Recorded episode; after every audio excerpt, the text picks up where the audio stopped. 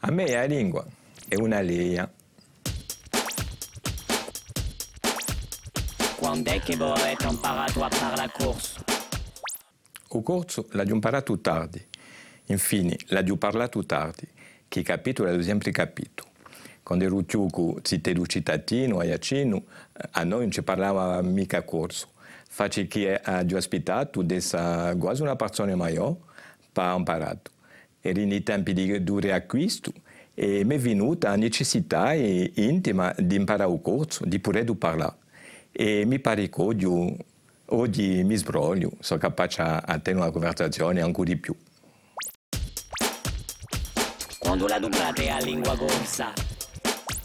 Il corso prova a duprare il più possibile. Di sicuro in famiglia, prima di tutto, un mia figlioletta, di parlo corso, prova a, a, a fare da capire, a fare da parlare.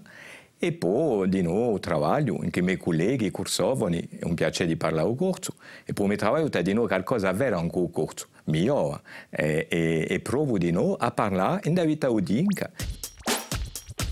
Chi rappresenta per voi la lingua corsa?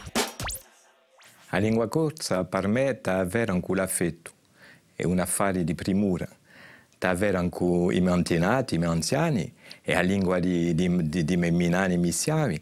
E per me è qualcosa che provo a trasmettere di noi.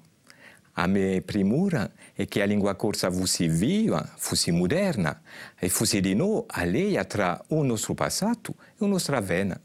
A, nos- a lingua corsa per me è speranza. Come dite la bene di lingua corsa?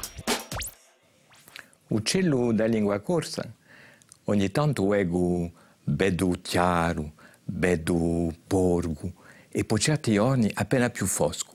Ma è la speranza che, che, che piglia a soprana, perché penso che la lingua corsa, la nostra lingua, può essere un fattore di coesione sociale, può adunare la gente, può fare che abbiamo un progetto comune.